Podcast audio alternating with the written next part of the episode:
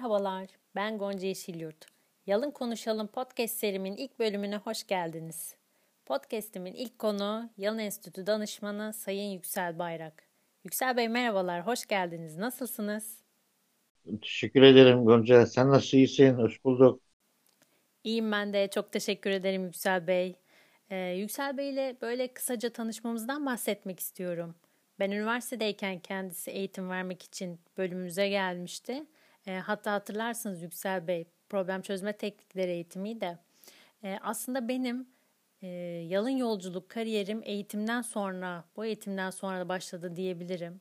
E, yani kendisi benim için gerçekten çok değerli bir hoca. E, beni kırmayıp bu davetimde kabul ettiği için kendisine çok teşekkür ediyorum.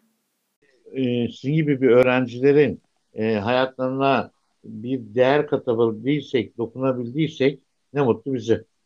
Çok teşekkür ederiz. Çok sağ olun. Yüksel Bey dinleyicilerimiz için kendinizden kısaca bahsedebilir misiniz? Tabii. E, 1969 Kocaeli İzmit doğumluyum. E, 86 yılında Endüstri Meslek Lisesi elektrik bölümünü bitirdim. E, 92 yılına kadar çeşitli firmalarda çalıştım. Operatör olarak. 92 yılında ilk yalına benim de yolculuğum 92 2 Eylül tarihinde Toyota otomotiv firmasına girişimle başladı. E, iki ay bir Japonca kursu verdiler Maltepe'de. E, ondan sonra bir Japonya hayatı başladı. Bir yıl Japonya'da e, yalın üretim yani Toyota üretim sistemi üzerine ve araç üretimi ne nasıl yaparız şeklinde bir, bir yıl hiç gelmeme bir eğitim aldım. Benim e, şansım Toyota'nın ilk giren e, 10 kişiden biri olmaktı. Ve, ve böylelikle Toyota'da bir 20 yıl çalıştım. 20 yıldan sonra da e, Yalın danışmanlık, Yalın Enstitüsü'nde eğitmenlik ve danışmanlık fırsatı çıkınca değerlendirdim. 9, yaklaşık 9 yıldır da e, Yalın Enstitüsü'de görev yapmaktayım. Çok teşekkür e, bu, ederiz. Buyurun. Evet. Bu 9 yıl içerisinde de çeşitli firmalara da yani e, üretim sektörü çok farklı olan işte ne bileyim bir tavuk sektöründen tutun bir otobüs imalatı oradan Hı-hı. tutun proje bazlı firmalar e, o, 10 kişilik bir e, firmadan 1000 kişilik 2000 kişilik firmalara kadar çeşitli sektörlerde danışmanlık yapma fırsatı oldu. Yani evet. dediğim gibi yalanın içerisinde de yaklaşık 30 yıla yakın bir sürecimiz evet. var. Evet. Evet, çok teşekkür ederiz. Çok sağ olun. Ee, podcast'imizin ilk bölümünün ilk konusu da yalın liderlik. Evet. Ee, evet, Yüksel Bey, sizce yalın lider e, nedir? Kimlere yalın lider denir? Yalın li şimdi öncelikle lideri e, biz liderden ne bekliyoruz da bir şöyle bir açarsak Tabii. Yalın liderin tanımını da orada rahatlıkla yapabiliriz. Bir yönetici, bir patron liderden ne bekler? Bir, ben bunu birçok eğitimimde sordum. Aldığım cevap işte insanları sevk idare etmesinde. Hı hı. Bence yalında en büyük olay problemleri tespit edebilmek. Problemleri tespit edebilene ben lider diyorum. Lider e, birkaç kademede lider var tabii. Hattı yöneten işte şirketin müdürüden tutun genel müdürü, mühendis arkadaşı her biri aslında bir yalın lider. Her biri problemleri tespit edebilen ve ben yalın lider diyorum. Evet çok doğru. Peki e, bir firmada liderden sizce beklentiler nelerdir? Yani bir liderin görevi ne olmalıdır bir firmada? Az önce bahsettiğim gibi problemleri tespit edecek ve çözecek. Bir. Hı hı. İki. Lider, ben lideri şöyle şey yapıyorum. Lider altında lider yetiştiren adama lider diyor. Evet. Eğitmenlik yapacak lider. İnsanlara öğretecek. Öğrendiğini öğretecek öğrenme tekniklerini öğrenecek, e, ekibine öğretecek. Peşinden koşturacak lider. usta olmayacak. Peki usta demişken e, lider ve usta arasındaki fark nedir sizce? Lider, şey, usta işini en iyi yapan adam. Hı hı. Eğer altında us, eleman yetiştirmediyse, us, lider yetiştirmediyse çok güzel ustadır. Çok iyi ustadır. Bir iyi bir zanaatkardır. Ama bir daha bir daha söylüyoruz burada. Altında lider yetiştirmesi lazım. Ve bir, insanlar şöyle demeli. Beni şu liderim yetiştirdi. Liderim yetiştirdi bakın. Ustam yetiştirdi değil.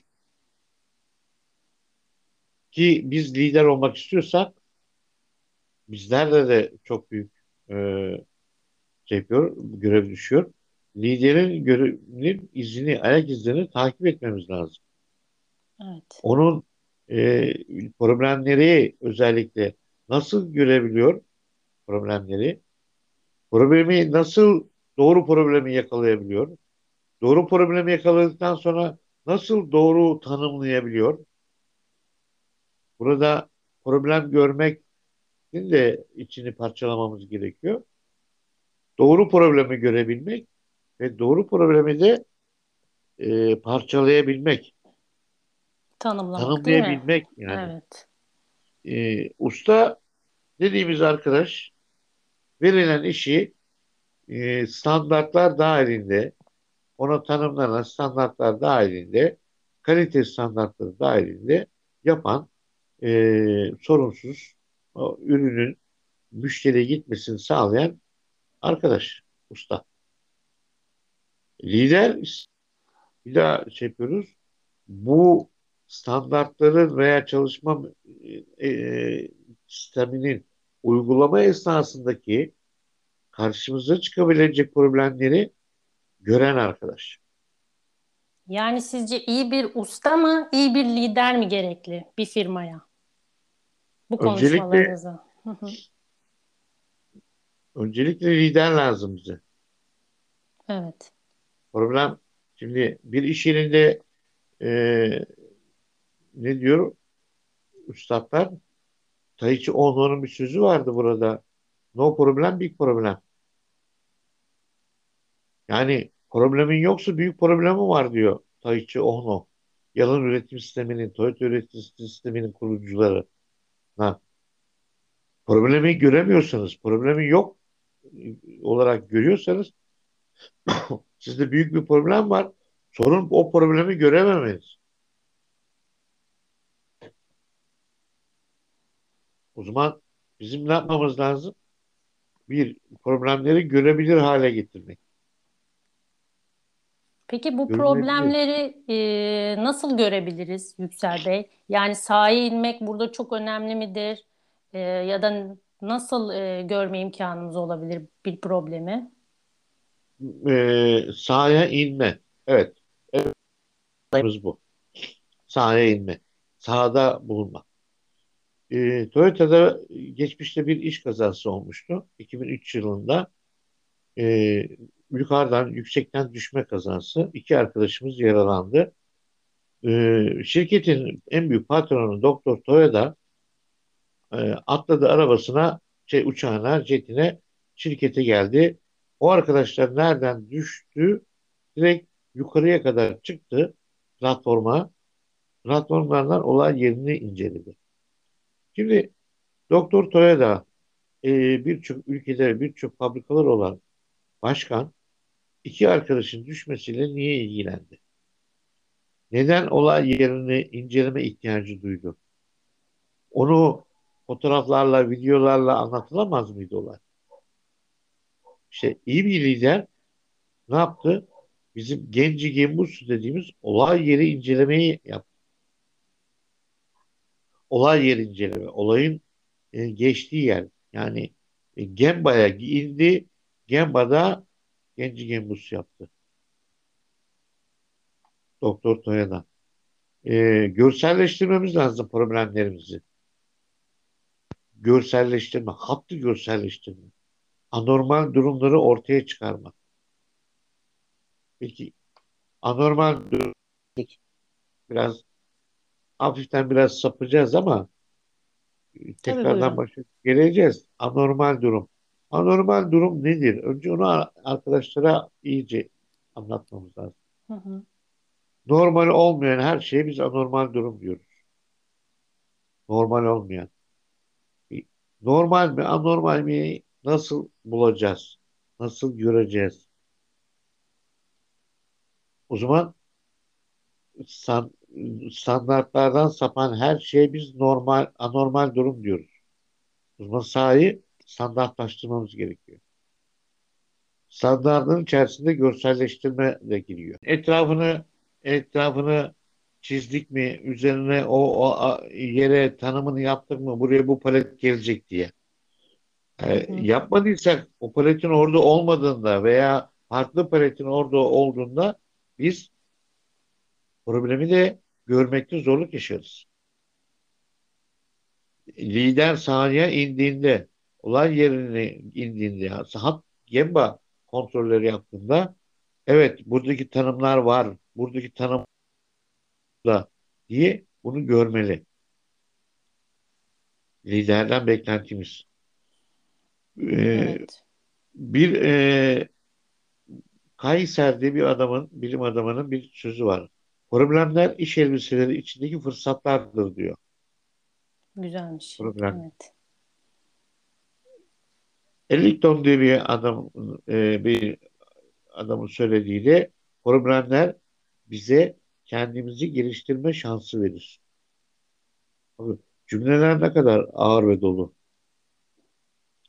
Problemler bizi kendimizi geliştirme şansı verir. Liderden de beklentimiz sahaya indiklerinde de sürekli bir, bir şahin gibi, bir kartal gözü gibi sürekli problemleri yani anormal durumları görebilmeli. Anormal durumu tekrar etmek istiyorum. Normal olmayan her şey. Nedir yani? Standartlardan sapan her şey. Peki problemin tanımı olarak ne demiştik? Mevcut durumla ideal durum arasındaki farka. Şimdi bakın her şey ne kadar kolaylaşıyor. Benim e, sahadaki mevcut durumum ne? Ne kadar verimlilikte çalışıyorum? Ne kadar kaliteli çalışıyorum? Ne kadar iş gü- güvenlikte çalışıyorum? Ve idealim ne? İsteğim ne? İşte arasındaki farkı belirlersem ben problemleri görebilirim. Problemleri yakalayabilirim diye düşünüyorum. Peki biz eee, bir liderden hat yönetimini nasıl yönetmesini bekleriz? Yani bir hat yönetimi nasıl olmalıdır? Hat yönetimi nasıl olmalı?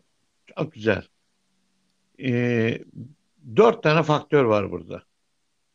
Makine, malzeme, metot, insan.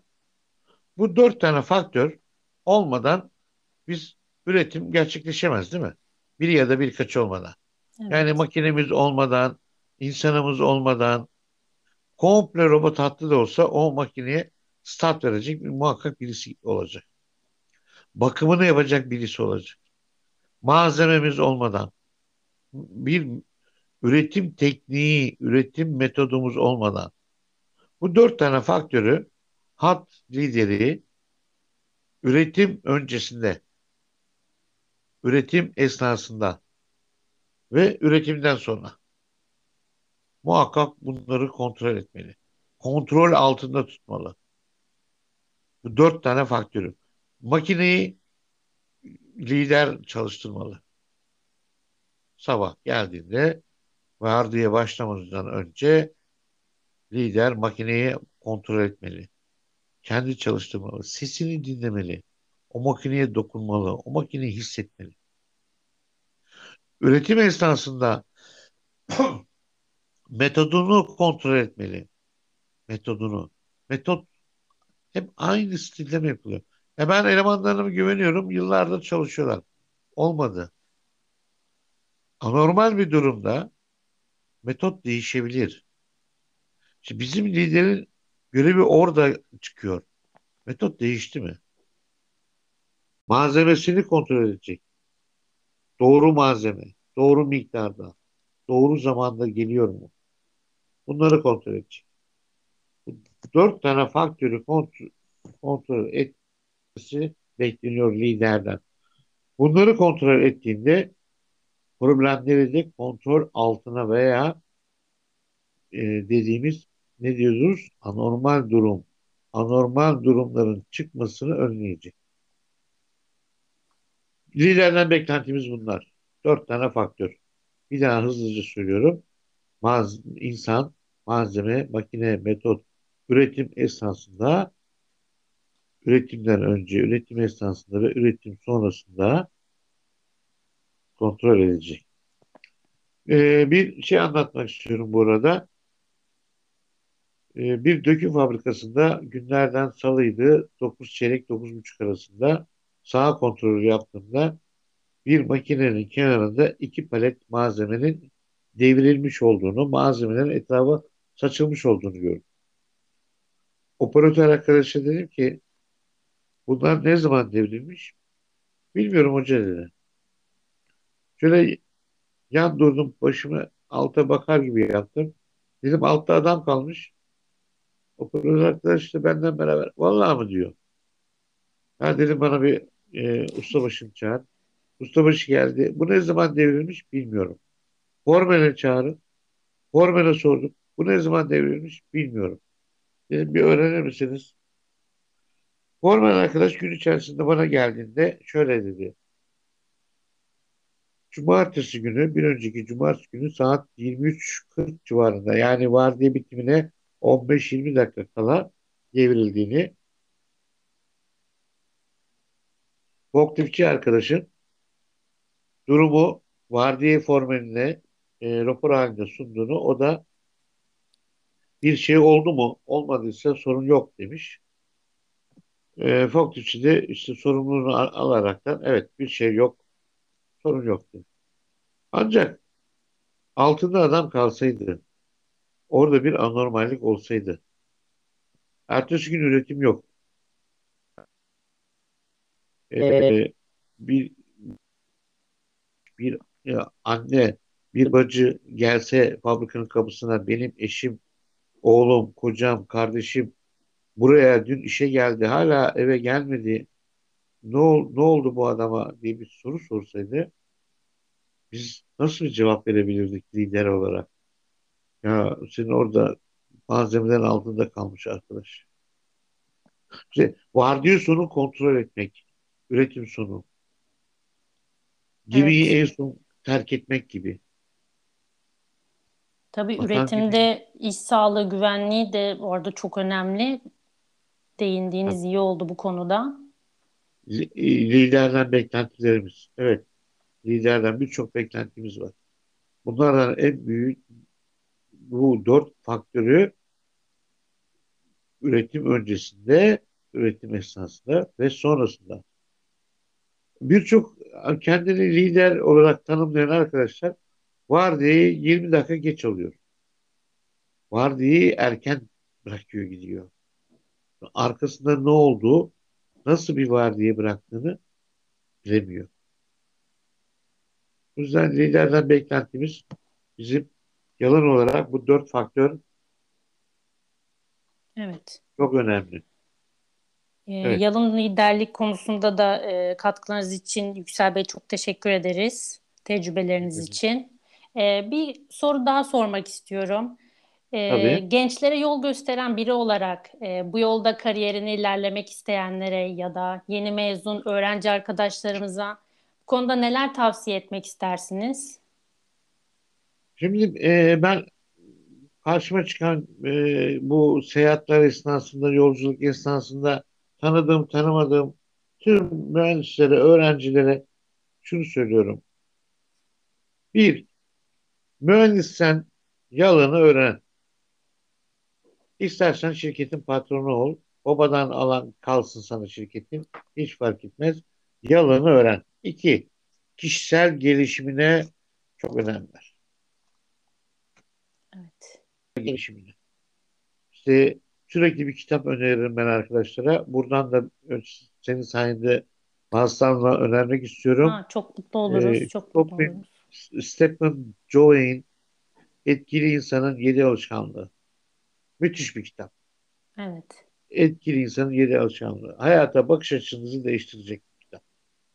Kitap okumalarını, özellikle kişisel gelişim kitapları.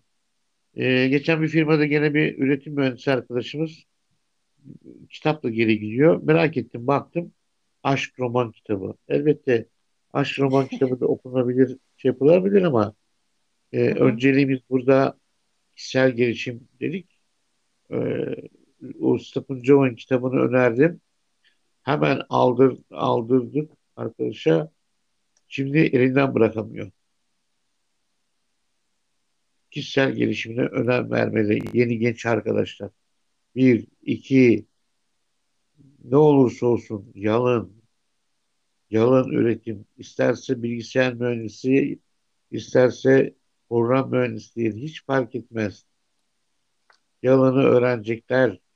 Bu yalın e, birçok sektöre, bir sanayideki tamirciye, mahalle arasındaki lokantacıya kadar inecek bu yalın. İnmek zorunda. Bütün süreçleri hiç kimse ne kontrol edebilir ne de şirketini bir adım ileri götürebilir. Evet. Çok teşekkür ederiz Yüksel Bey değerli katkılarınız için. Çok sağ olun. İlk Ben bir bölümümüz şey evet tabii söylemek ki. istiyorum. Buyurun. Bu o, ilginç olaylardan bir tanesinden bahsetmek istiyorum. Ha, tabii Yalında. tabii. Buyurun. Ee, bir kablo fabrikasında genç bir 23 yaşında bir kızımız vardı. Ee, masanın kenarına falçata bağlamış arkadaşlar. Yine genci gemuz yaparken olay yeri yani sağ kontrol yaparken o falçatayı fark ettiğimizde bu nedir dedik. Oradaki arkadaşlara sorduk. Bu ne? Eliniz kolunuz yaralanmıyor mu diye. Genç kızımıza sorduk. Var mı yaralanma? Şöyle kollarını bir sı- sıyırdı. Sanki e, rahmetli Müslüm Gürses'in konserine gitmiş gibi bütün kolları jiletlenmişti. İçin burada şuydu. O kızımız sağır ve dilsizdi. Ve derdini anlatamıyordu. İşte bizim bu arkadaşlara dokunabiliyorsak, bu arkadaşların derdini tam anlatamayan arkadaşlar da, bu kızımızın işe çok ihtiyacı var belli, derdini de anlatamıyor, kime ne anlatsın. Ama o falçatanın masa kenarında olmasıyla, her kolundan çizik almasıyla bir canının yanmışlığı vardı. Biz bunları gidebilir, bir giderebiliyorsak liderler olarak burada geliyor. Ben öyle düşünüyorum biraz da. İnsanların hayatına dokunabilmek diyoruz ya, Evet. kızın hayatına dokunduk. İşte senin gibi bir genç kızımızın hayatına dokunduk. Sen Çok teşekkür lise- ederim. üçüncü sınıftaydın, ben iyi hatırlıyorum. Bu e, semineri verdiğimizde ondan beri sen bizim yakamızı ya- ya- yapıştın. E, Evet. senin hayatına dokunduk. Senin hayatında bir fikir değişikliği oldu. O kızımızın da ve problemlerini görebilir haline gelmesini oradaki liderlerin onlara dokun. Evet. Çok Son değerli. olarak bunu, bunu, bunu da söylemek istedim. Çok teşekkür ederim Yüksel Bey. Çok değerli katkılar sağladınız. Teşekkür ediyorum. Ben teşekkür ederim böyle bir fırsatı verdiğin için. Teşekkür Çok ederim. sağ olun. Ben teşekkür Kolay gelsin. ederim. Görüşmek İyi üzere. günler.